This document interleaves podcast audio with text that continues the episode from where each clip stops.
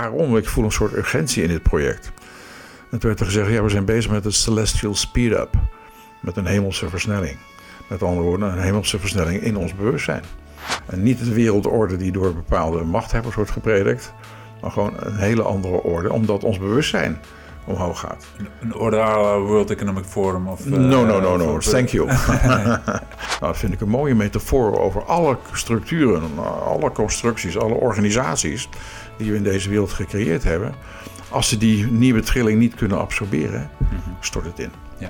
En je hebt de derde houding, en dat gaat echt over naar binnen keren en alleen maar vanuit licht en liefde gaan staan en nergens anders meer. Dus je niet laten misleiden, niet laten omvallen door alle dingen die op je afkomen. Gewoon alleen maar in licht en liefde blijven staan. En dat uitstralen, want dat is wat de wereld nodig heeft.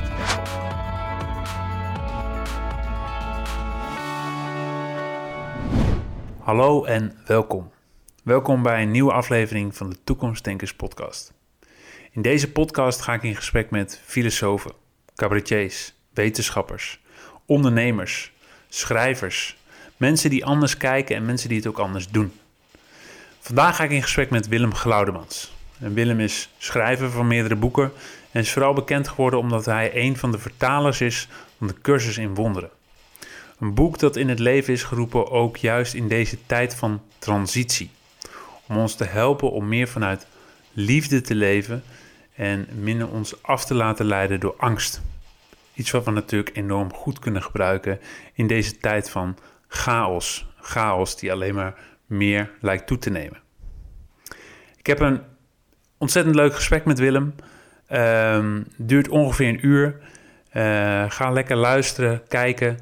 Um, en ik hoop dat jij ook veel inspiratie op zult doen. Goedemorgen Willem. Goedemorgen Wiebe. En welkom in deze podcast. Dank je. De Toekomstdenkers podcast, waar we het hebben over de toekomst uiteraard. Um, de reden dat ik jou heb gevraagd is omdat ik uh, al verschillende boeken van jou heb gelezen. Waaronder een hele bekende uh, die je hebt vertaald, De Cursus in Wonderen. ja. Waar ik elke ochtend een, een lesje uit lees. In ieder geval. Heel goed, heel goed. heel goed. Um, maar jij schrijft One ook... lesson a day keeps the doctor away. Ja, ja zeker. nou, ik ben ook Wim Hof instructeur. En uh, zeggen we, uh, cold shower a day keeps the doctor away. Maar uh, lesson a day ook. Ja, dat ja. is zeker. Het is een heerlijk begin van de dag. Um, voor de mensen die er nog niks over weten, daar komen we vast nog wel over te spreken, over de cursus. Absoluut. Uh, de reden dat ik je ook heb gevraagd is over dat je ook al schrijft over de transitie, het tijdperk mm -hmm. waar we in leven. Dat we in een tijdperk van transitie uh, zitten. Zeker, zeker. Uh, je schrijft ook over de Schumacher-resonantie, dat we eigenlijk als aarde worden opgetrild. hele interessante onderwerpen die ik heel graag met jou wil bespreken. Maar allereerst de vraag, wie is Willem Glaudemans? Ik heb geen idee. ik heb geen idee. Ik weet dat het een, een, persoon is die bepaalde dingen doet, maar ik weet ook dat ik dat ten diepste niet ben. Dus als je vraagt wie is Willem Glaudemans, zeg ik ja, dat is iemand die, uh, die boeken schrijft, die lezingen geeft, die mensen begeleidt, die schilderijen maakt en dat soort dingen. Ja. Maar ik merk steeds meer dat, dat mijn identificatie daarvan steeds iets meer op de achtergrond raakt, laat ik het zo maar even zeggen. En dat is een proces wat al tijden bezig is. En waar ik steeds meer, ook met de lessen van de cursus, hè, dat gaat over je ware identiteit. Ja. En je ware identiteit is niet de persoonlijkheid die hier dingen doet. Je ware identiteit is nog steeds datgene wat je ten diepste bent zoals je door God geschapen bent. En wat nog steeds bij God is. Dus als je vraagt wie, wie, wie ben jij, dan zeg ik nou liever dat dan, dan die persoon die hier leuke dingen doet. Ik bedoel, ik vind het prima, ik, bedoel, ik, ik geniet ontzettend. Ja. Hè, om, om leuke dingen te doen hier. Ja. En uh, er zit niks tussen. Ik, ben gewoon, ik voel me helemaal vrij om alle creatieve dingen te doen die in me opkomen. En daarin voel ik wel weer verbinding met het, met het goddelijke, omdat God natuurlijk ons gecreëerd heeft. Naar zijn beeld en gelijkenis staat er dan in de Bijbel, maar dat vind je ook in de cursus. Mm -hmm. In feite is het is scheppen uitbreiden. Mm -hmm. He, dus als God zich uitbreidt in ons, mm -hmm. dan hebben wij al zijn uh, karakteristieken, al zijn elementen, hebben wij in ons. En een van de belangrijkste daarvan is voor mij schepping. He, hij creëert, dus ja, wij zijn scheppende wezens. Ja. Een hele andere benadering dan we nu vaak tegen mensen aankijken natuurlijk. Ja, Ze zijn allemaal scheppende wezens in een voortdurend scheppend universum. Zo, zo kijk ik ernaar. Ja, want als je het over God hebt, hè, meestal denken we dan aan een uh, man met een baard die bovenop de Absoluut zit. niet. Nee. Je hebt het over een andere God, denk ik. Ik heb het over de al-ene of de, de, het bewustzijn wat alles omvat. Of Ja. de bron waaruit alles voortkomt. Eh, Geef het een naam, dat maakt ook helemaal niet zoveel uit. Waar eigenlijk verschillende spirituele stromen wel over, of religieuze stromen ook wel over spreken. Of het nou de Tao is, of de... Ja, of boeddhisme. Wij- In feite, een boeddhisme is een religie zonder God, zeggen ze zelf. Ja. Dat is, is een levenswijze. En, ja, en Boeddha heeft ook prachtige dingen verteld. En je kunt zeggen, hij is, de- hij is het licht van het oosten. En, en Jezus, de Christus, het licht van het westen. Ja. Samen hebben ze licht en liefde in deze wereld gebracht. Ja, mooi. Mooie benadering. En ehm, hoe, is, hoe is dat, wat jij noemde, hè? eigenlijk met het lezen van de cursus kom ik steeds eigenlijk meer een beetje tot het inzicht dat ik die persoon Willem niet ben. Mhm. Hoe is dat bij jou gestart? Die cursus. Ja, Oh, ja. Dan moet ik eh, eigenlijk nog... Nou, laat ik dat even niet doen, want die heb ik al heel vaak verteld, dat verhaal bij Elisabeth Kubler-Ross. Maar ik heb, vond op een gegeven moment eh, de cursus eh, hier in Utrecht in eh, een boekhandel. En ik nam hem mee naar huis en ik sloeg hem open in het Engels nog, zo'n dikke groene Arcana pocket. En ik werd overweldigd. Compleet overweldigd. Ik kon niet anders dan gewoon lang uit op de grond gaan liggen van pure dankbaarheid. Van, ah, eindelijk heb ik het gevonden, weet je wel. Van, ik was natuurlijk vanaf mijn, mijn 15e, 16e was ik aan het zoeken geslagen. En toen vond ik de cursus en dat gaf dus antwoord op mijn vragen. En niet wetend dat het ook weer veel nieuwe vragen oproept. Maar ja, ik voelde meteen, dit, dit is het voor mij. Mhm. Meteen, bam. En ja, uiteindelijk heb ik het mogen vertalen en dan zit je er echt heel diep in. Als je vier jaar lang elke dag van 9 tot 5 eh, een boek vertaalt, dan komt het helemaal in je te zitten. En, en wat is de cursus in wonderen? Een cursus in wonderen is een, een doorgegeven boek. Wat zeg maar ook echt over deze tijd gaat. In die zin dat Helen Schuckman, die het eh, doorkreeg, op een gegeven moment aan degene die dat doorgaf, en ze herkende dat als Jezus, eh, vroeg van waarom? Ik voel een soort urgentie in dit project. En toen werd er gezegd, ja, we zijn bezig met het celestial speed-up. Met een hemelse versnelling. Met andere woorden, een hemelse versnelling in ons bewustzijn. Dus daar is de cursus ook voor gekomen, juist ook in deze tijd, om Mhm. ons te helpen ons bewustzijn naar een ander niveau te krijgen. Dus eigenlijk de omslag te maken van angst naar liefde.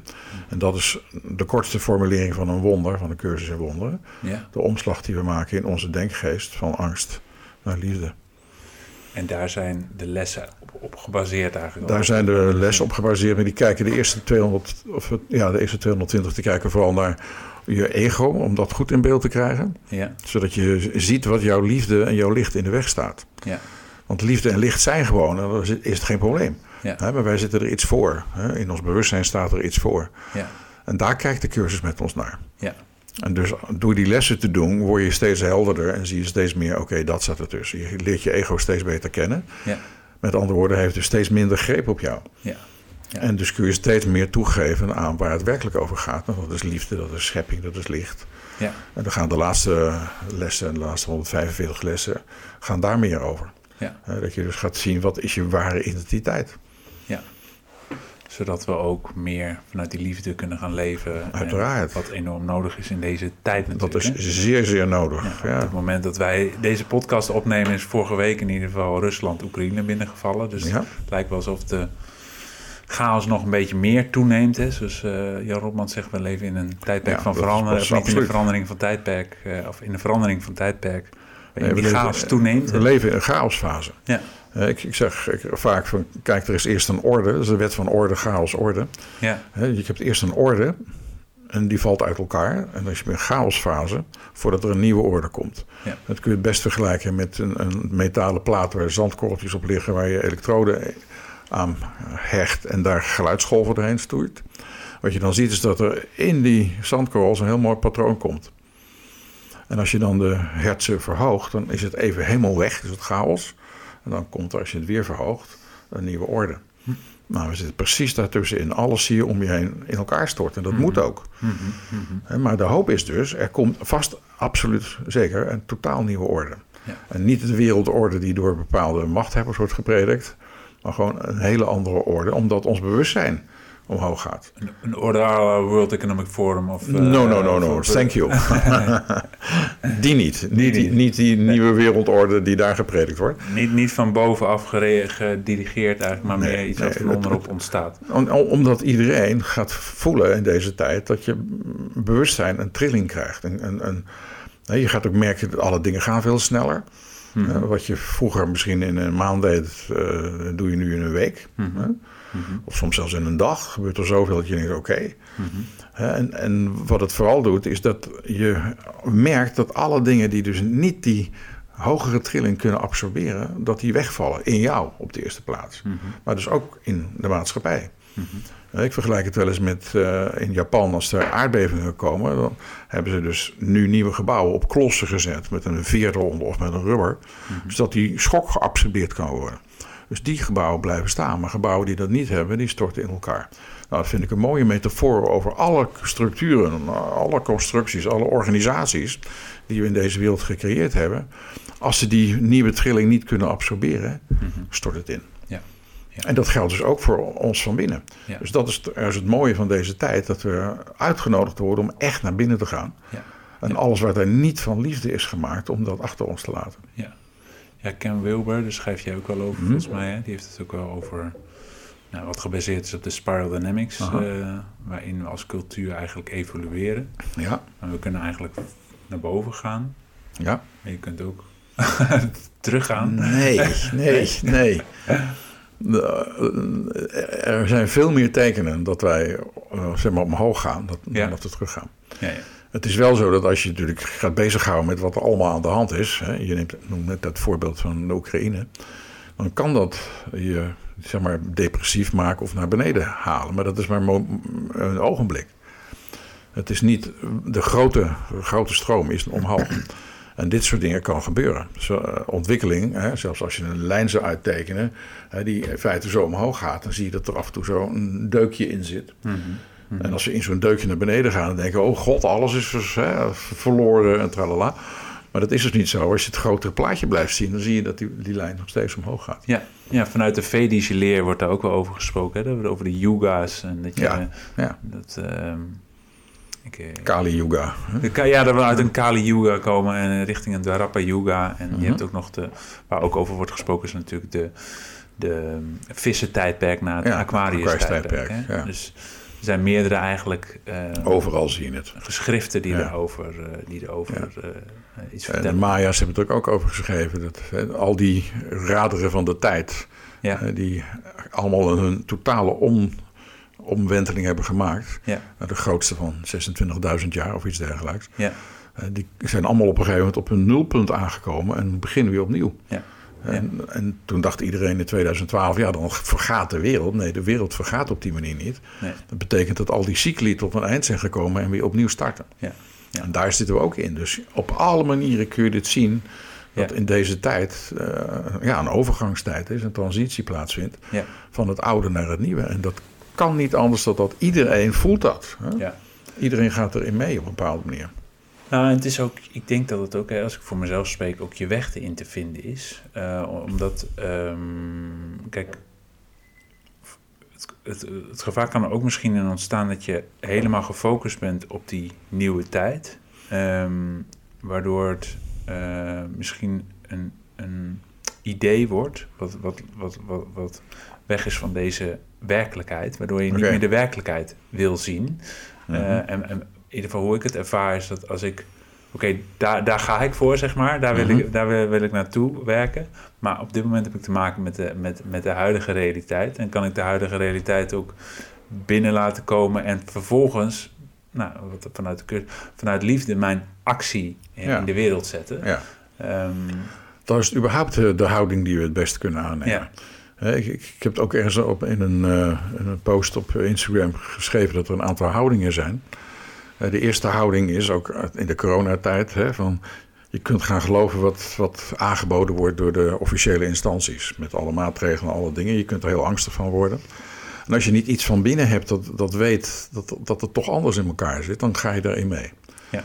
Dan is er een tweede houding van bijvoorbeeld hele dappere wetenschappers en, en mensen uit de gezondheidszorg die gingen ze vertellen, maar het klopt niet. Ja. En die voor met gevaar van hun eigen baan dat naar buiten brachten. Nou, dat is de tweede houding. Dus mensen die gewoon gaan onderzoeken en zeggen van nee, het zit anders in elkaar. Ja. Bij die tweede houding van het zit anders in elkaar had je ook nog zeg maar, de, de complotdenkers. En dat is op zich prima, maar ze gingen vaak te ver. In die zin dat het fantasieverhalen werden, wat mij betreft, hè, over Mhm. buitenaardse reptielen die hier de boel gingen overnemen. Nou, wat er ook maar van waar is. Hè, Mhm.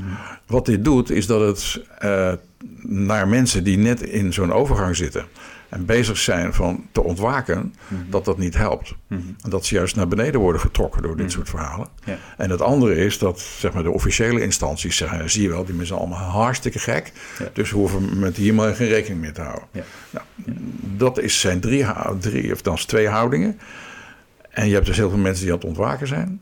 En je hebt de derde houding, en dat gaat echt over naar binnen keren en alleen maar vanuit licht en liefde gaan staan en nergens anders meer. Ja. Dus je niet laten misleiden, niet laten omvallen door alle dingen die op je afkomen. Gewoon alleen maar in licht en liefde blijven staan Ja. en dat uitstralen, want dat is wat de wereld nodig heeft. Ja.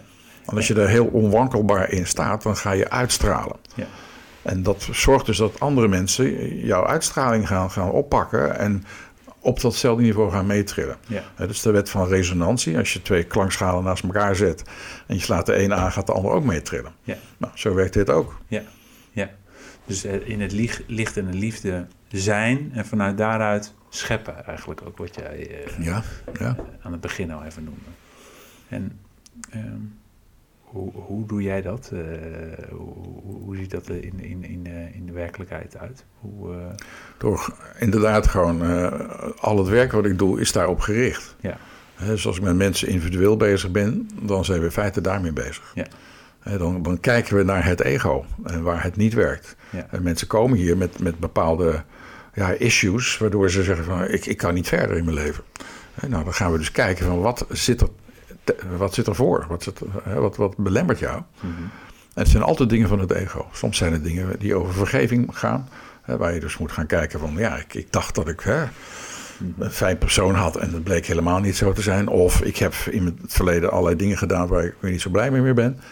En dan gaat het dus eigenlijk over ontschuldigen. Dus de onschuld weer zien van de ander en van jezelf. Ja.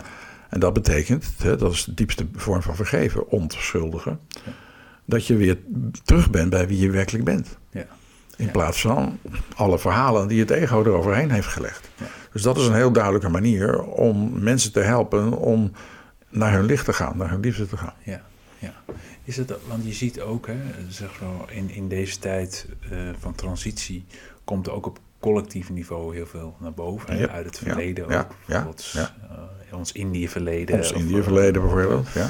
eh, waarin het vaak ook wel gaat over de van, ja, zo kijkt het ego er naar. ja, ja. Maar je kunt er ook anders naar kijken. Hoe kunnen we daar op een andere manier naar kijken?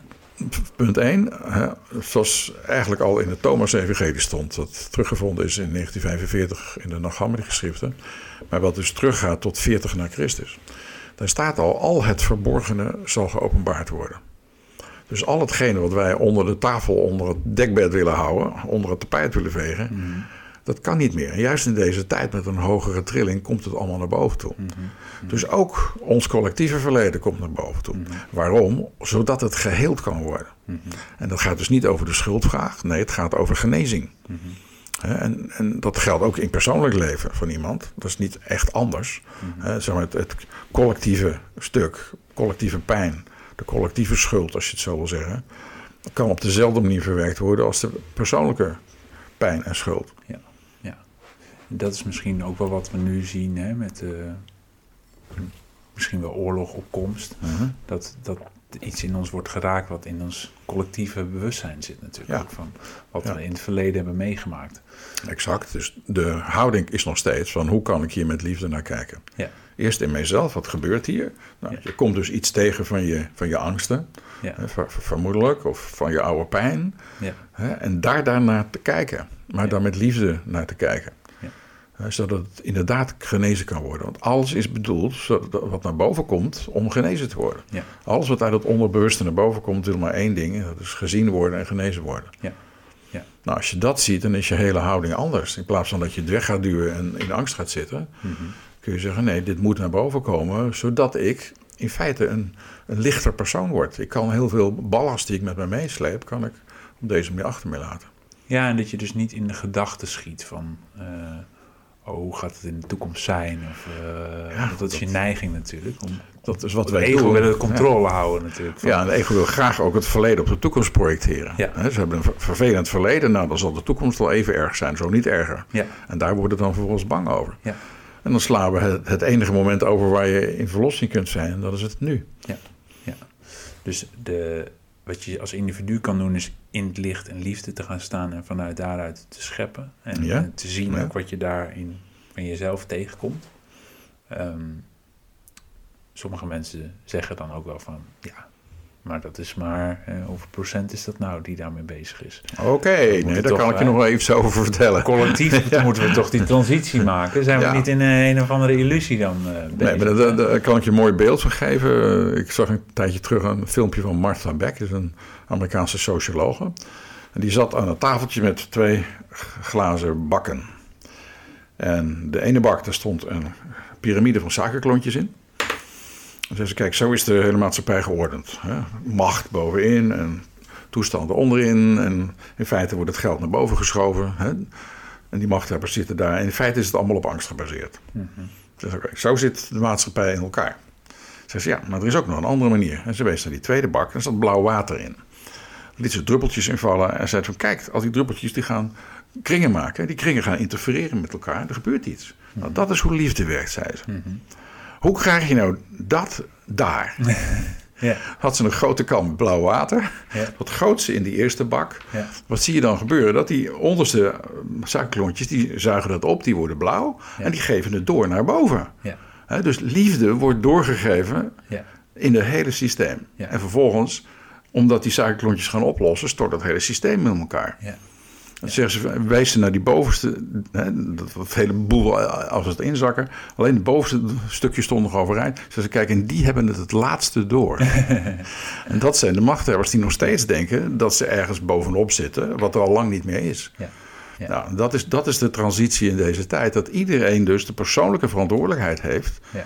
En dat kan ik niet genoeg benadrukken. Iedereen heeft de persoonlijke verantwoordelijkheid om aan zichzelf te werken. Ja. Want dat is het enige wat wat doet. Ja. En dat spreidt uit. Ja. Het gaat over uitstraling. Vroeger gingen we bekeren. Gingen we tegen iemand anders zeggen: Je moet anders denken, want ik weet beter hoe het met jou is dan jijzelf. Dat was in feite de aanval van bekering. Ja. En nu gaat het alleen maar via uitstraling. Ja. Zelfs zonder dat je een woord hoeft te spreken. Het gaat via uitstraling. Ja. En iemand anders pakt het op. Zo'n suikerklontje wordt ook blauw. Hm? Maar betekent dat ook dat eh, iedereen een persoonlijke transformatie zou moeten ondergaan? Of is het meer dat een aantal mensen het pad effenen voor de rest? Of zo? Dus, Allebei, allebei. Ja. Kijk, als je eh, het pad effent voor anderen, dan ga je er ook vanuit dat die andere mensen ook hun innerlijke werk gaan doen. Ja. Omdat ze gaan zien, hè, dat, dat hoor ik ook vaak van, dat mensen hier een vergevingssessie hebben gedaan en dan ineens veel meer in vrede zijn. Ja. En dan gaan hun vrienden zeggen, wat is met jou gebeurd? Ja. nou, dat vind ik altijd een hele mooie, want dan zijn ze dus open. Ze hebben gezien, er is iets definitief en fundamenteel veranderd in die ander. Ja. In feite zeggen ze, leer mij dit ook. Ja. Hè, Ik wil dit ook. Ja. Nou, zo gaat het verder. ja, het licht is aantrekkelijk natuurlijk ook. Voor licht trekt alleen maar meer licht Ja, aan. het trekt alleen maar meer licht aan. Ja, Ja. dat is wel een mooie, mooie omschrijving, ja. En dan, hè, in de, het wordt ook wel, in de maatschappij wordt het ook wel de, de commons genoemd. Dus de mensen die vanaf onderop eigenlijk het nieuwe aan het vormgeven Ja. zijn. Ja. In corporaties of mensen die... ja, maar dat zie je overal. Ja. En dat is, dat, dat is ook wat het nieuwe gaat vormgeven. Ja. En daardoor, eh, omdat het van onderaf komt, net als die suikerklontjes, Mhm. hè, het, bovenin zien ze het laatste, maar ze gaan ontdekken dat het niet meer kan. Ja. Nou, dat duurt nog even, want eerst zetten ze nog helemaal stijgers omheen en proberen ze het oude te handhaven. Ja.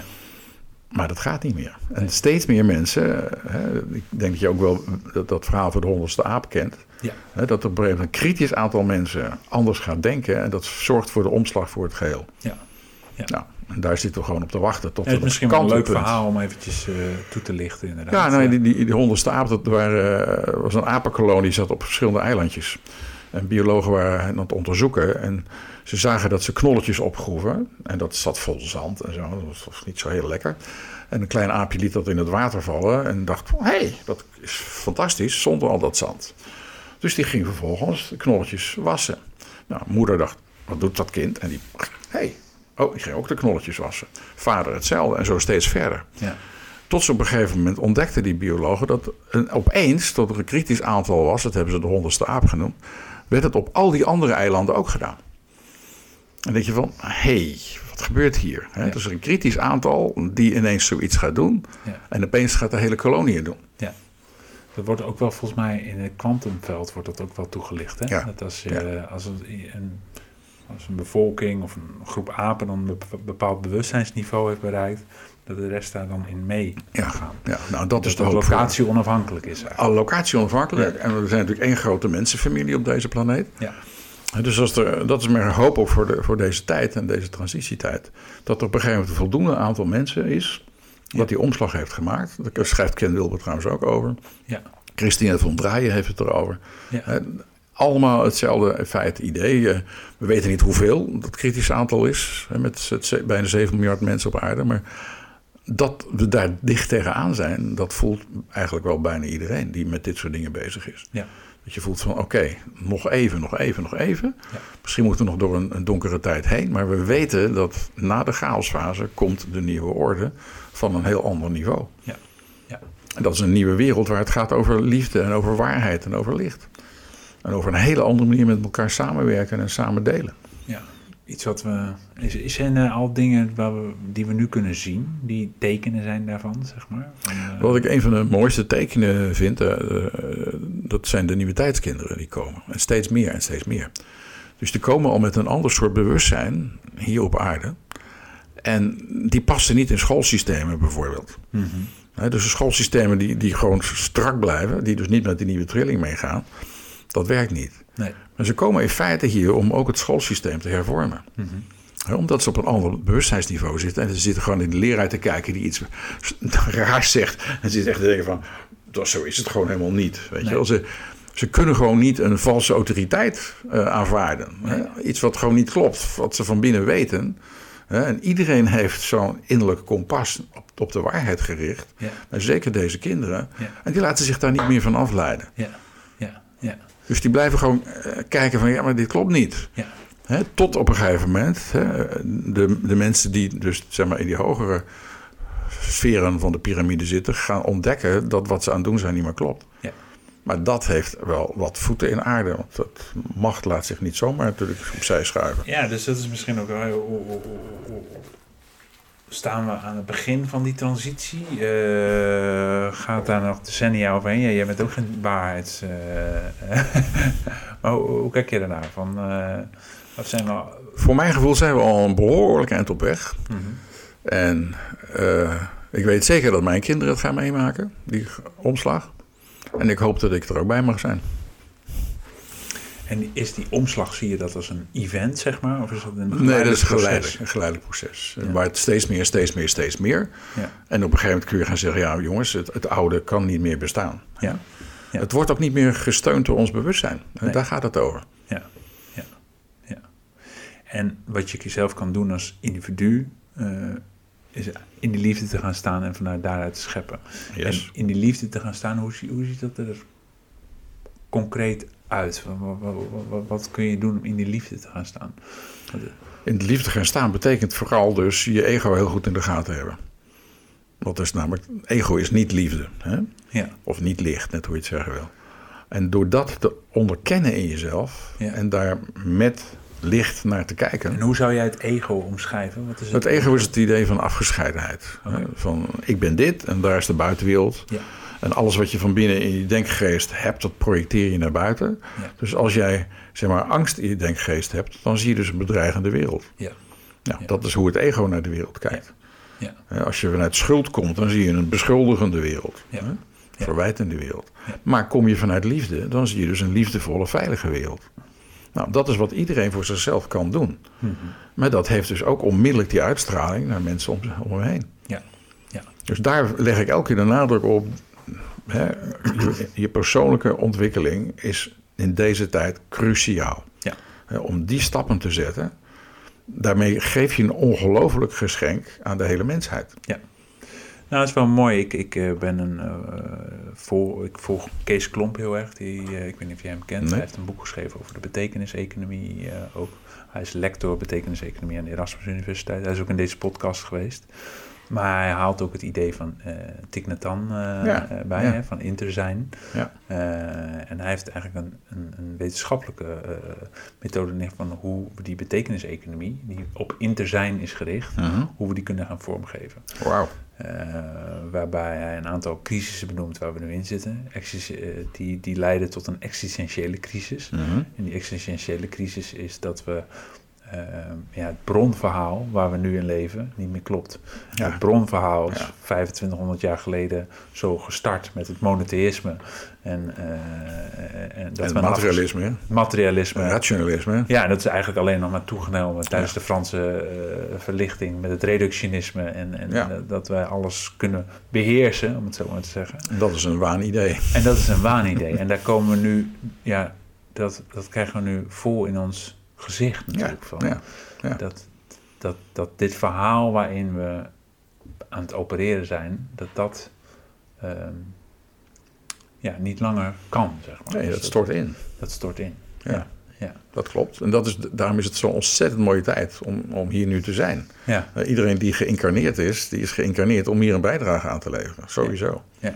Ja, en met name dus de jonge, de, die, die, die jonge kinderen, die nieuwe tijdskinderen, die al met dat andere bewustzijn hier komen. Ja. Dus ons helpen om het collectieve bewustzijn naar een ander niveau te krijgen. Ja. Dus iedereen deelt daaraan mee hè, Ja. en draagt eraan bij. Ja, mooi. Ja. Ehm, eens even kijken. Ehm, dus, we- dus we zitten eigenlijk midden in die, in die transitie. Mhm. Ook naar het nieuwe besef van in te zijn. Jij weet zelf ook veel volgens mij van de, van de gnosis. Hè? Wat, eh, Mhm. Mhm. ehm, de- wat, wat zijn de gnosis eigenlijk? Eh, eh, De gnostiek, hè, dus de, de beweging, dus een van de stromingen in het jonge christendom, ja? die ervan uitging dat we het van binnen konden weten. Gnosis is kennis, kennis van wie je ten diepste bent en kennis van het al. Ja. Dat werd als, als gelijk gezien. Dus wil je God leren kennen, leer jezelf kennen. Mhm. Want iedereen is God van binnen. En En in het oude christendom werd daar al wel over... eh, ja, maar dat is in zeg maar, het officiële christendom, is het in het concilie van eh, Nicea in 325, is dat eruit gegooid. Dat is echt, vind ik, een, een historische blunder van enorme proporties, met enorme gevolgen. Ze hebben in feite de innerlijke weg van het christendom eruit gegooid. Hè, zoals Soefisme de innerlijke weg van de islam is, en die is ook op de zijpad geschoven. ja. Dus twee grote wereldreligies hebben dus hun innerlijke weg, hun mystieke weg, hebben ze eruit gegooid. Nou, eh, in het christendom hè, kun je dat gewoon zien dat eh, waar Jezus wel die weg gepredikt heeft, kom je het op een gegeven moment niet meer in het Nieuwe Testament tegen. In ieder geval niet in de hoeveelheid dat het had gekund. Mhm. We ontdekten dat toen Jacob Slavenburg en ik de nacht met die geschriften aan het vertalen waren. En dus het Thomas-evangelie vertaalden. Daar staan 144 uitspraken, 114 uitspraken van Jezus in. Die allemaal over die innerlijke weg gaan. En dan keken wij, wat is er van in de Bijbel terechtgekomen? Niets. Niets. En zie je daar dingen terug in de cursus in wonderen? Absoluut. Ja? Ja, de cursus is voor mij ook een gnostisch boek. Ja. Die, eh, ja, dat is in feite dezelfde manier van naar binnen kijken en je, je, je, je innerlijke goddelijkheid ontdekken. En- maar in, in het christendom is dat dus eruit gegooid. En eh, dus fa- fantastisch dat we die Naghamdi-geschriften, die in 1945 zijn teruggevonden, Mhm. dat weer terugbrengt in ons bewustzijn. Mhm. We waren het kwijtgeraakt, maar het is nooit echt verloren. In de, welke geschriften is dat? De Naghamdi-geschriften, bij het plaatsje Naghamdi in Opper-Egypte, Ja? is er een kruik gevonden met eh, codices, eh, in leergebonden papyrusboeken. Ja? En daar stonden al deze prachtige geschriften in. Onder andere dus de Thomas-evangelie, of het evangelie de waarheid. Hè. Ja. Dus het evangelie van Filippus, nog veel meer prachtige teksten... die juist die andere kant van het christendom weer naar boven brengen. En misschien waar ook wel Jezus ook zijn wijsheden misschien ook wel van- vandaan heeft. Om, eh, Nee, dit, dit was van Jezus. dit was van jou. Dit was van ook Jezus. In de tijd van Egypte. eh, Ja, in de, in de...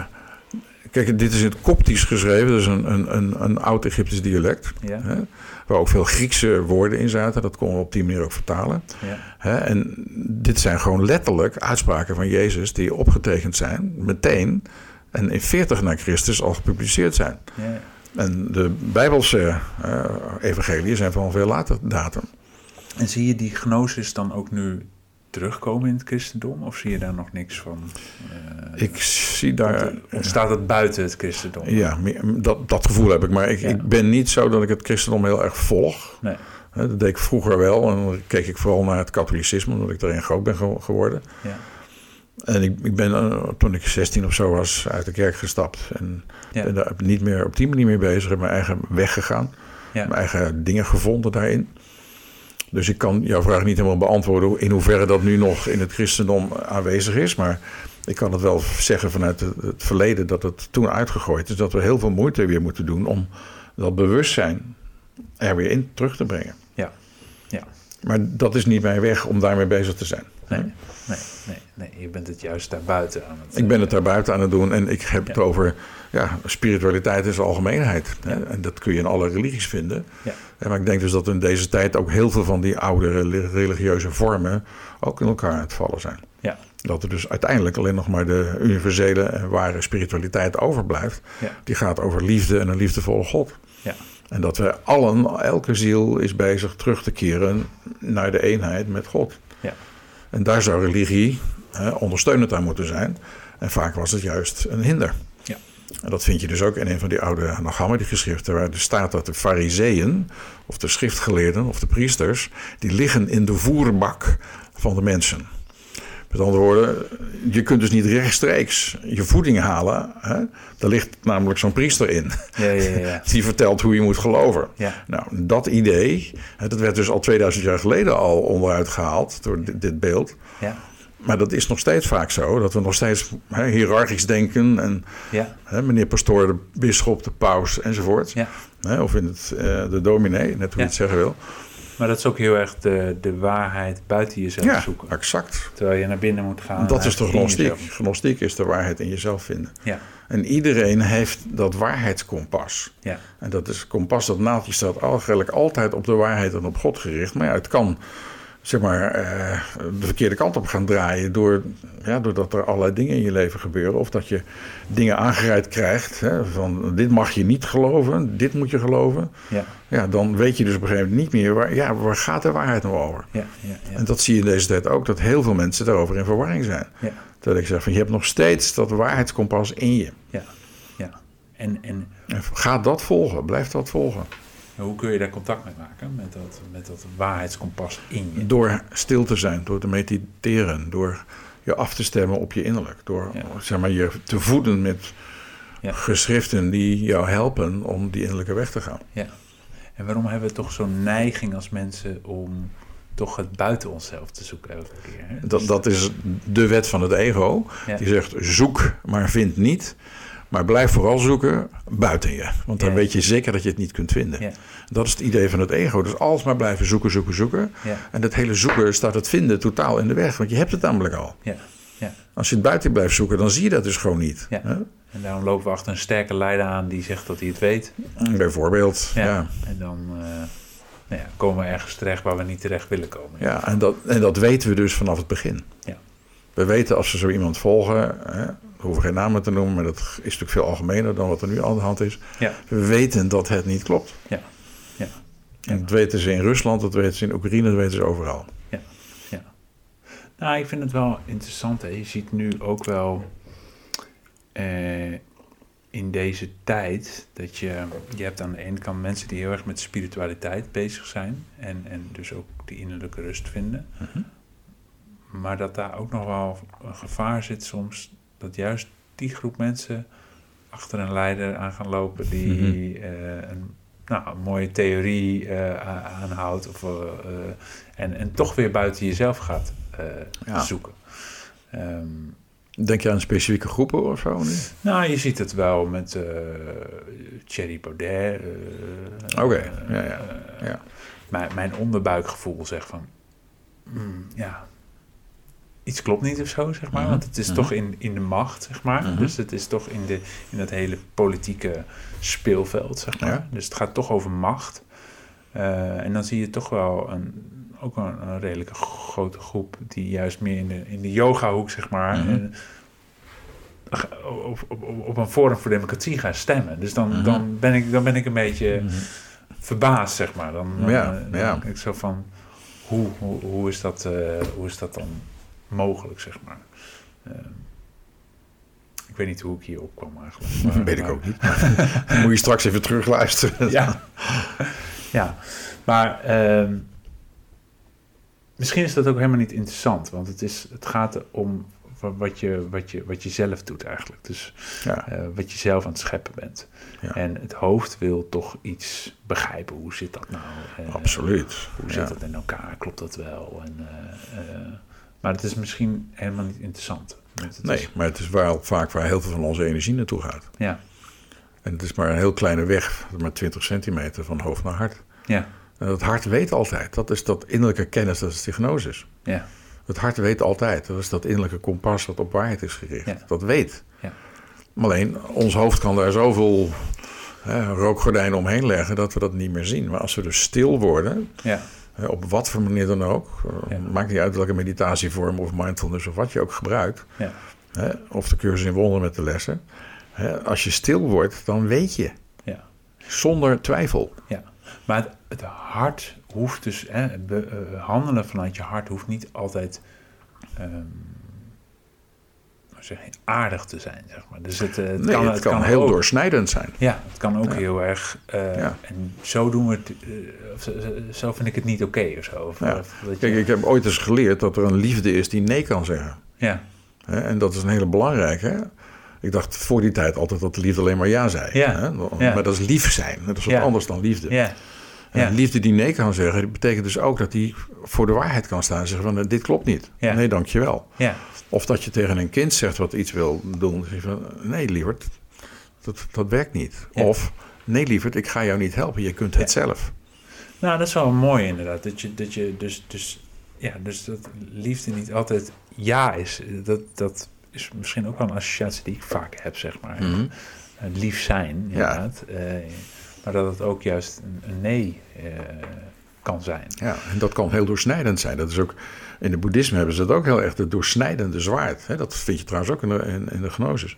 Ja, Hè, dat doorsnijdende zwaard van waarheid. ja, Wat gewoon onderscheid maakt tussen wat klopt en wat klopt niet. ja, En dat gaat dus niet over hè, wat, wat in de Bijbel dan weer, of in het christendom uitgelegd wordt, dat de bokken van de schapen en de tarwe van de kaf wordt gescheiden. En dan dachten ze altijd van, nou, er zijn zoveel mensen die zijn rechtvaardig, die, he- die hebben het gered. En die andere miljarden helaas niet. Ja. Eh, zo werkt het dus niet. Hè. Nee. Nee. Zo werd het veel, wel vaak gezegd, van, Ja. dat, dat zwaard ging daar doorheen. Maar nee, het gaat door iedereen heen. ja, Hè? Dus het zwaard zorgt ervoor dat jij ziet wat is ego en wat is geen ego. ja, ja. Dus een zwaard van waarheid wat alles blootlegt, waar je dus gewoon geen flauwekul meer omheen kunt maken. ja, Je weet gewoon wat klopt. En ook al kun je jezelf een tijd misleiden. ja. op een gegeven moment kom je echt op een moment dat je zegt: Oké, nu Ja. weet ik het. Ja. Nou, en dat is ook elke keer opnieuw in het moment, denk ik. Hè? Elke kan keer alleen als- in het moment. Ja, in het moment. Elke keer van, oké, klopt dit? Ja, Ja of nee? En daarmee dus is het dus essentieel dat je ook heel erg in contact bent met yes. je intuïtie of eh, met je lijf. Of Met je hart, met je liefde, met, ja, Ja. met je be- hoger bewustzijn. Om dat überhaupt te kunnen beoordelen. Het gaat niet meestal over beoordelen, het gaat over weten. Weten. Ja, Het beoordelen zit weer meer in het hoofd. ja, ja. ja. En weten is gewoon, dit weet ik. Dit weet, ik weet dat dit klopt. Hè? Zo, dat gevoel, dat weet je ook gewoon. Dat, dat is heel sterk. Ja. En ontwijfelbaar. eh, eh, twijfel kan daar niet meer binnenkomen. Ja. Ja. En niet omdat je dan, eh, zeg maar, fanatiek wordt of zo. Hè? Dat is een ander soort ontwijfelbaarheid. Mhm. Die toch meer van het hoofd komt. En dan krijg je orthodoxe manieren van kijken. Maar dit is een, het is een innerlijk weten. Mhm. Wat gewoon niet meer hoeft te twijfelen, omdat je ja, gezien hebt waar de waarheid over gaat. Ja. Ja. En dat je ook niks anders meer wil dan dat. Ja. Ja. Stoppen met verhalen vertellen. Absoluut. Ja. En echt afstemmen op wat je eigenlijk al weet. Duizenden jaren weet. Ja. Ja. Ja. Het is eigenlijk heel simpel. Het is eigenlijk heel simpel. Ja. Ja, het enige wat het ingewikkeld maakt is ons dierbare ego natuurlijk. Die Ja. maakt overal complexe dingen van. Waarom is dat ego er eigenlijk? Da, ja, die vraag. Dan moet ik echt de metafysica van de cursus ingaan. Dat is, is misschien te ver voor deze podcast. Maar ja. Je kunt, je kunt zeggen dat, het, eh, dat ons geloof in het ego een vergissing was. Waarom we vergaten te lachen. Waarom we vergaten te lachen. Te lachen, Ja, ja, Oké, ja, dat is een goeie. Ja. Dus het is ook belangrijk om af en toe even te lachen. Oh ja, humor, humor geneest onmiddellijk. Ja, ja. Ja, humor geneest onmiddellijk, ja. Ja, En brengt ook waarheid binnen, ja, ja. meteen. Nou, ook zien dus dat dat ego ehm, in zichzelf insane is natuurlijk. Absoluut. Als je dat één keer gaat zien, Ja, dat je in dwaasheid hebt geloofd, dan stop Ja. je met geloven erin. ja, Want het ego kan namelijk alleen maar bestaan dankzij het feit dat wij het geloven. ja. Als wij stoppen met geloven, bestaat het niet meer. Nee. Kan het er niet meer zijn. Nee. Nou, dan doet hij alle trucs natuurlijk om te zorgen dat je wel blijft geloven. Door middel van angst, door middel van twijfel, door middel van whatever. Ja, Maar je weet daaronder nog steeds. ja, ja. Ik vergelijk wel eens met eh, de oppervlakte van de oceaan. Er zijn allemaal golven, dan gebeurt er van alles en nog wat. Maar daar beneden, daar weet je wel. Daar, daar ben je in rust en in vrede. En weet je. En Ja. kun je die golven waarnemen. Zo, oh ja, dat gebeurt. ja, ja. Maar is het van belang? Nee, want ik, ik rust in vrede. Ik rust in God. Daar zit ik. ja. En ik kijk van daaruit en zie Wat er ook gebeurt. In wat er ook gebeurt. Hoe onstuimig het ook is daarbuiten. Ja, hoeveel stormen er ook zijn. Ja. ja, dat je in die kern, of in die oog eigenlijk van die orkaan... eh, Ja, ja daar is het rust en stil. ja, En daar weet je. ja. Ja, mooi. Mooi. Ehm, ja, dus het is ook eh, kiezen voor angst of liefde eigenlijk. Hè? Dat is ook continu, Ja, continu de keuze. dat is de enige keuze, de enige echte keuze die we hebben. Ja, We kunnen hem ook anders zeggen, ja, kiezen voor waarheid of illusie. ja, De illusies van het ego geloven of in de waarheid zijn waar je weet. ja, ja, En het ego heeft natuurlijk allerlei trucs, misleidende trucs om ons daarin te houden. ja, En daarom is het zo belangrijk dat je dat persoonlijke proces aangaat. ja, En je eigen ego leert kennen, hoe Ja. die dat doet. Ja, Ik zeg vaak tegen mensen als ik daar een workshop over geef: van schrijf eens even op wat jij allemaal onder angst verstaat. En wat er allemaal bij hoort. En onder ego. Nou, dan maakt iedereen zijn persoonlijke lijstje. En zeg ik: kijk nu eens wat je onder liefde verstaat. En wat daarbij hoort. En je hoger zelf. Nou, maakt iedereen zijn persoonlijke lijstje. Ik zeg: nou, nu je die persoonlijke lijstjes hebt, kun je hem dus beter herkennen. En dan weet je dus dat je op elk moment een keuze hebt. ja, Wat je gelooft, waar je in meegaat. ja, Nou, het ego dekt die keuzemaker en de kant van de liefde af en zegt: Je hebt alleen maar met mij te maken. ja, En dan gaan we ons daarmee identificeren. ja, En daarom zegt de cursus altijd: Kijk naar het ego. Kijk naar jouw gedachten. ja, Door te kijken sta je er buiten en val je er niet mee samen. ja, Dus die identificatie wordt er al gelijk losgemaakt. ja, Nou. Als je dus in die keuzemaker of die waarnemer blijft staan, je neemt waar wat er van binnen gebeurt. Je ziet dus, oké, dit was ego, nee dankjewel. En mijn uitspraak naar mijn ego is van nee dankjewel ego voor je betekenisloze commentaar. Ja. Want het, het ego is betekenisloos. Het is niet, niet goed of slecht, het is betekenisloos. ja, Dus alle betekenis die het krijgt, komt van ons. Ja. Nou, daar kun je mee stoppen. ja. En dan kom je vanzelf eigenlijk aan de kant van de liefde uit. Ja, dat is wel een hele mooie, eh, simpele stap eigenlijk. Dat je al een lijstje maakt van wat zegt het ego, wat zeg je vanuit liefde. Dat je daar vanuit gaat herkennen. Ja, En daarna, het- ik denk dat dat ook grotendeels met vertrouwen te maken heeft. Dat je ook durft te vertrouwen om voor de Ja, liefde. eh, ja, het vertrouwen in liefde groeit naarmate je het meer doet. ja, ja, ja, Dat is eigenlijk ook heel simpel. Hoe meer je het doet, hoe meer je het gaat vertrouwen. ja, ja, En dan zie je dus dat je vertrouwen of je geloof in het ego, dat dat tot niets heeft geleid. ja. En dan trek je dat terug. En dat is ook mondiaal, precies hetzelfde.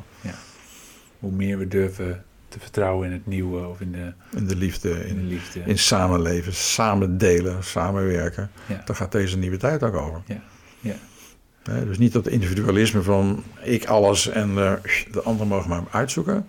En dat vind ik altijd mooi, ook, ook in deze tijd met Oekraïne. Liefde reageert altijd. Je ziet onmiddellijk mensen in Polen staan aan de grens mensen op te wachten. Met, eh, met eten, met pl- slaapplekken, met een, hè? Mhm. ze vangen ze meteen op. Mhm. Nou, dat is hoe liefde altijd reageert op elke situatie waar iets gebeurt. Mhm. Kun je er gewoon op wachten dat liefde reageert. Ja, ja. ja, die, die kracht van liefde is heel sterk eigenlijk. Die is heel erg sterk en heel erg groot. En mensen doen dat vanzelf vanuit hun hart. Ja, En niemand vertelt ze dat. Ze gaan onmiddellijk dat doen. ja. Overal hulptroepen die Ja. spullen sturen die kant op. En Exact, exact. Nou, dat is hoe liefde reageert. Bij elke ramp in de wereld gebeurt dit. Nou, dat is wel. ehm, je hebt eh, onderzoekers wel geweest naar eh, de bombardementen in Londen tijdens de Tweede Wereldoorlog.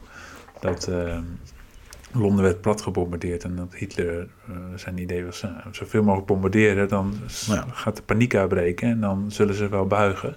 Maar het tegendeel is waar. Dat juist in die bombardementen mensen elkaar gingen helpen en Ja, voedsel gingen zorgen en noem maar op. Dus je ziet juist in crisistijden dat we heel erg tot elkaar komen. precies. En dat precies. we juist dat in te zijn principe Exact. helemaal eh, leven. Nou, dat vind ik een ander mooi voorbeeld. Op een gegeven moment hè, zaten Engelse soldaten op de romantische kust en konden niet meer weg. Er zijn dus een hele vloot van kleine bootjes uit, uit, eh, uit Engeland vertrokken. Gewoon echt vissersbootjes, roeibootjes, van alles en nog wat. Om die soldaten op te halen. Ja, ja, ja. ja. Dat is ook zo'n initiatief. Ja. hè? Ja, ja. Ja, zo zijn er. eh, Duizenden. Ja. Alleen, eh, hè, het komt vaak niet in het nieuws, Nee. helaas. En dat zou eh, voor mij ook iets zijn van... laat juist deze geluiden horen. Ja, Hè, Ja. Laat zien dat er een ander nieuws is. ja, Dat dit soort dingen gebeurt. ja. Ja, want hoe, hoe, hoe ga jij ermee om? Van, eh, als je het nieuws kijkt, inderdaad. Dan, Ik eh, kijk geen nieuws meer. Ga je überhaupt geen nieuws Nee, meer? nee ik heb de tv heb ik, eh, een aantal jaar geleden afgeschaft. En lees je de krant nog? Ik lees eh, wel de krant, maar heel selectief. Ja, ja, ja. Ik wil mij door bepaalde dingen laten informeren, maar bepaalde dingen denk ik, ja, de mainstream media die zien niet wat er aan de hand is. Nee. Nee. Ik heb een, op zich eh, had ik een hele goede krant, de Trouw, en, maar ik zie toch dat ze daar heel erg meegaan met, ja, met, het, met het verhaal van de regering, zeg maar. Ja. Ja. Ook in de coronatijd. Ja. En, en dus niet een onafhankelijke journalistieke positie, positie innemen Ja. om echt, echt onderzoek te doen. Ja. En te kijken wat gebeurt er nou echt. Ja. En ze vrij, zijn, zijn vrij snel met het, ja, zeg maar het, het veroordelen of terzijde schuiven van andere geluiden. Of die komen niet eens door. Ja. Dus daarnaast heb ik ook andere kanalen eh, waar ik mijn informatie vandaan haal. En die, die zijn er natuurlijk steeds meer. in Die zijn er steeds meer. Ik bedoel, YouTube staat er vol mee. Ja. Ja. En andere, andere kanalen, andere kranten die er zijn. Ja, en daar is, de, is in dus de waarheidsvinding, hè, want dat is dan een kritiek vaak op, eh, op natuurlijk YouTube en podcast en noem maar op. Van, hè, je hebt geen onafhankelijke beoordeling meer van of het Maar waar die hebben de kranten ook al lang niet meer. Nee, dat is al subjectief natuurlijk. Hè? Dus dat, dat, dat, een vriend van mij noemt eh, de kranten eigenlijk staatskranten. eh, ja, Dat ze in feite een, springbuis zijn van wat de regering wil. Ja. Nou, en daar wil ik niet in meegaan. Dus, en ik wil dus ook die, die, die, al die dingen niet meer zien. Het enige wat ik doe als ik, hè, is liefde en licht sturen naar zo'n situatie. Ja. Ja. Dus als ik iets hoor, dan is dat mijn eerste reactie. Ja. En daar hoef ik niet meer de tv voor te, te kijken. nee, nee. Nee, ik zeg ook altijd van, de, het, als het echt groot is, zeg maar, dan komt, het, je. Tuurlijk, vanzelf. Ja. Ja, dan hoef je niet komt het. Nee, komt van alle kanten naar je toe. Ja, dus het is ook heel belangrijk dus in waarmee je voedt ook. Hè? Om, Absoluut. Om, om, om Absoluut. überhaupt je innerlijke stem te kunnen horen. Als jij continu afgestemd bent op het NOS-journaal. Eh, Ja, dan nou, we hadden het van tevoren al eventjes over van... ehm, eh, waar ik, het, ik heb het in de podcast al vaker verteld, mijn voorbeeld over dat ik in een crisis terecht kwam en dat ik toen dacht van oké, ik, ik, wat, hoe ga ik met de issues die in de wereld spelen, hoe ga ik daarmee om? Mhm. En eh, uiteindelijk was mijn boodschap, ja, als het je niet bevalt, ga dan gewoon iets doen waar je wel hè, in die liefde te gaan staan. Ehm, en een van de dingen die ik deed was stoppen met nieuws kijken in ieder geval. Ja, ja. Nou, in de afgelopen dagen ben ik gewoon helemaal in het nieuws gezo- gezogen. Dus dan merk ik wat voor, voor, wat voor effect het Ja. wel niet op je heeft. Hè. Nou, dan word je naar beneden getrokken. Ja, dan word je naar beneden getrokken. En dan raak je dus ook weg van hè, die, die, die grond, wat jij noemt. Ja. Die innerlijke rust en die, die, die, dat, dat, dat, die plek waar je het wel weet. Exact. Ja, dat is wel... eh, Dus in feite wat, wat deze podcast misschien voor mensen kan doen, is, is hen weer verbinden met die innerlijke plek waar je het gewoon weet. En Ja. waar, waar vrede is en waar, waar waarheid is en waar je niet hoeft te twijfelen aan wie je bent. ja. En jij begeleidt daar ook mensen in? Daar begeleid ik zeker En mensen hoe in, doe ja. je dat? Ehm, Dat kan soms zijn dat iemand hier met iets komt en we ineens vanuit de cursus naar kijken. Mhm. Het kan soms met vergeving gaan. Het kan ook zijn dat je via het talentenspel wat ik ontwikkeld heb, je missie gaat, gaat weten opnieuw.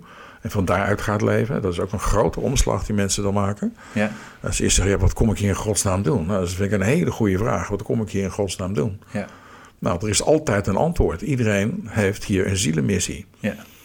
Alleen heel veel mensen weten dat niet meer. Of is dat ergens weggeraakt, eh, ondergesneeuwd. Eh, misschien door opvoeding, misschien door opleidingen. ja. Maar altijd weet je het nog. ja. Hè, Ik heb hier ook mensen die een fantastische opleiding hebben gedaan en niet gelukkig zijn. Nee. En vanaf het begin van die opleiding al weten, ah, ah, het klopt niet. Maar ja, er was een druk van buiten. eh, ouders zeiden, ja, maar dan kun je tenminste je geld verdienen. En tralala. Ja. Nou, allemaal prachtige overwegingen. ja. Maar het haalt je weg bij wie je werkelijk bent. Ja. Dat zie je natuurlijk ook wel steeds meer in deze tijd. Dat mensen. Dat is, maar je ziet ook de omgekeerde beweging, dat steeds meer mensen wakker worden. Ja.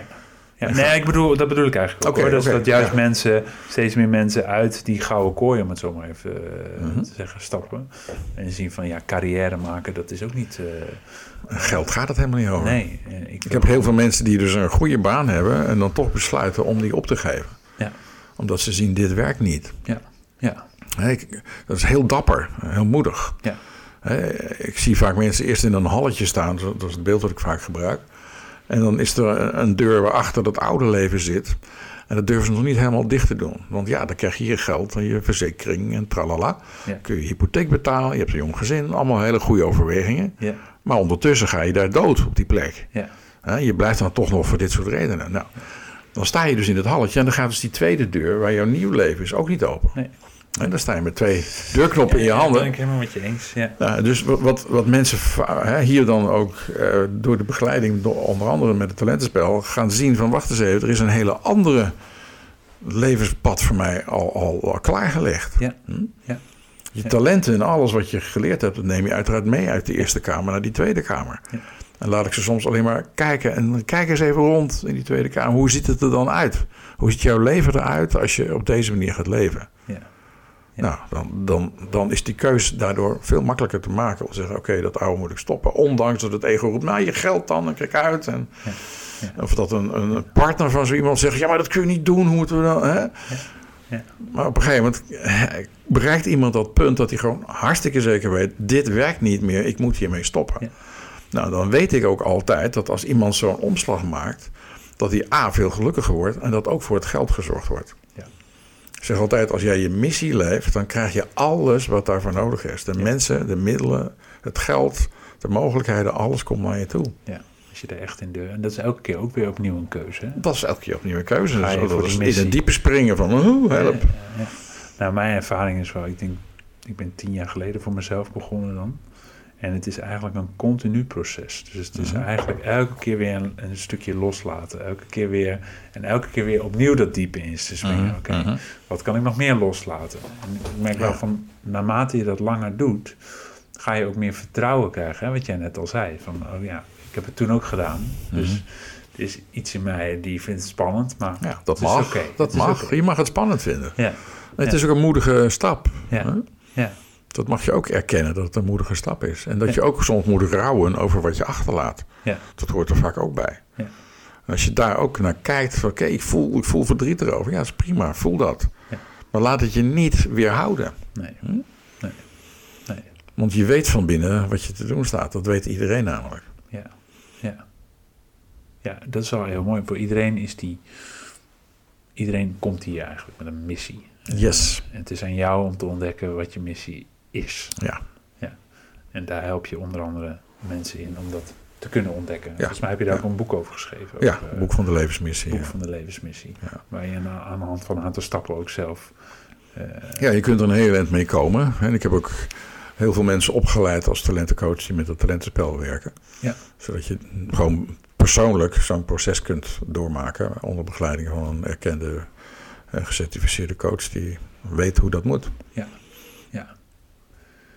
En dat in ieder geval, als ik voor mezelf spreek, dat is je vaak het beste medicijn om, om om te gaan ook met de, in deze turbulente tijd. Om, om je daarop af te stemmen. Maar als je, als je weet wat je hier komt doen, Ja, dan word je niet meer door alle stormen heen en weer gegooid. Nee. Dan sta je. Dan Ja. weet je, dit kom ik doen hier. Ja. En dat doe ik dus. Ja. Wat er ook maar gebeurt. Ja. En als je dat niet weet, ja, dan heb je meer die neiging. Ja. Hè? Dus daarom is het zo belangrijk om ook dat te weten. Wat Ja. kom ik hier doen? Ja, want dan, hè, dan, dan is het niet alleen in liefde zijn en in liefde staan, maar je weet ook nog hoe je vanuit die liefde in beweging kan, hoe je kan scheppen eigenlijk. Juist. Juist. Omdat je weet wat jij hier te doen hebt. Ja. Dat geeft ook richting natuurlijk. Dat geeft zeker richting. Ja. Ja. Ja. En dan kun je vaak het twijfelen stoppen. Omdat je voelt van hier gaat het over.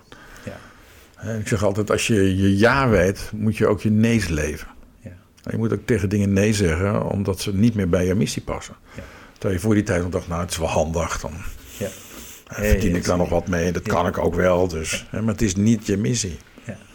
Nou, en het is echt een keuze. Maak je een keuze vanuit je hart of vanuit je hoofd. Hè? Vanuit Exact. je ego. Vanuit, het is niet een tussenweg. Er is geen tussenweg. Nee. zeg maar twee smaken. ja, het is, nou, heel simpel Het eigenlijk. is heel ja. simpel, ja. Ja, ja.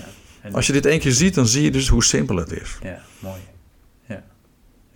En waarheid is altijd simpel. Altijd. Ja. Elke keer weer naar terug. En als het dus ingewikkeld is, dan weet je dus dat je niet naar de waarheid aan het kijken bent. Maar naar een grap van het ego die dat altijd weer complex kan maken. Ja. Hè, dat geldt voor je persoonlijk leven, dat geldt mondiaal. En dan is het elke keer weer terug. Innerlijke rust. Reflecteren, mediteren. Ja. Om weer even de stem van de liefde te kunnen horen. Ja. Waarbij je ook het lijstje hebt gemaakt misschien wel van... Oh, dat was ja. Oh, dat was hem, ja. Ja, ja, nou weet ik het weer. Ja. Mooi. Nou, volgens mij kunnen we hier nog uren over doorpraten. praten. Ehm, en wellicht komt er nog wel een keer een andere Wie weet. podcast waar we een ander onderwerp in duiken. Ik wil jou in ieder geval heel erg bedanken voor, eh, voor deze podcast en dit gesprek. Ik hoop, graag gedaan. eh. Ik vond het ook leuk. ja, ik denk dat het weer heel veel inzicht heeft gegeven. Ook vooral hoe, hoe je omgaat in deze tijd van transitie en hoe je daar ook ehm, ja, jezelf af kan stemmen op liefde. En vanuit daaruit Exact. kunt opereren. Exact. Mooi. Dankjewel Willem. Dank je. Leuk dat je luisterde naar dit eh, gesprek met eh, Willem Glaudemans. Ehm, ik hoop dat je ervan genoten hebt. Ik vond het in ieder geval een zeer inspirerend gesprek om weer een hele andere kijk te krijgen op de werkelijkheid.